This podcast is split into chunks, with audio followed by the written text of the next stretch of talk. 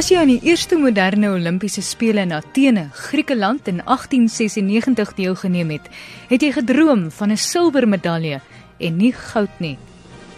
Indien jy die naaswenner was of derde plek losgeslaan het, het jy 'n koper of bronsmedalje huis toe geneem.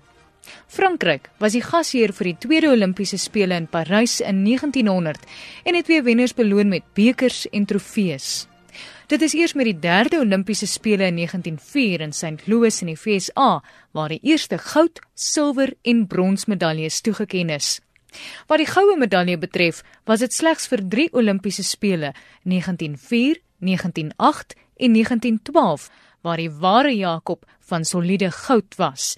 Maar dit het later bietjie te veel uit die sakke van die gasheerlande gejaag en die konsentrasie goud het met die jare afgeneem.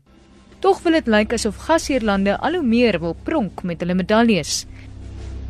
Met die 2012 Olimpiese spele in Londen het Brittanje geskiedenis gemaak deur die grootste goue medalje tot nog toe uit te deel. Die medalje het so 400 gram geweg.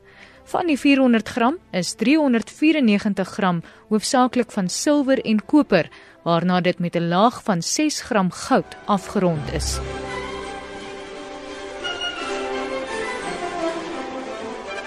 Vir die 2016 Rio spele raak dinge nog meer gewigtig met die goue medalje wat die jaar 500 gram weeg en 'n vyfde groter is as die 2012 medalje. Die medalje bestaan uit 494 gram silwer en 6 gram goud. Hoe groot en duursaam die medalje ook al mag wees, ek hoop die Suid-Afrikaanse Olimpiese span ryg die medaljes in en kry hoop 'n geleentheid om hulle tande in goud te slaan.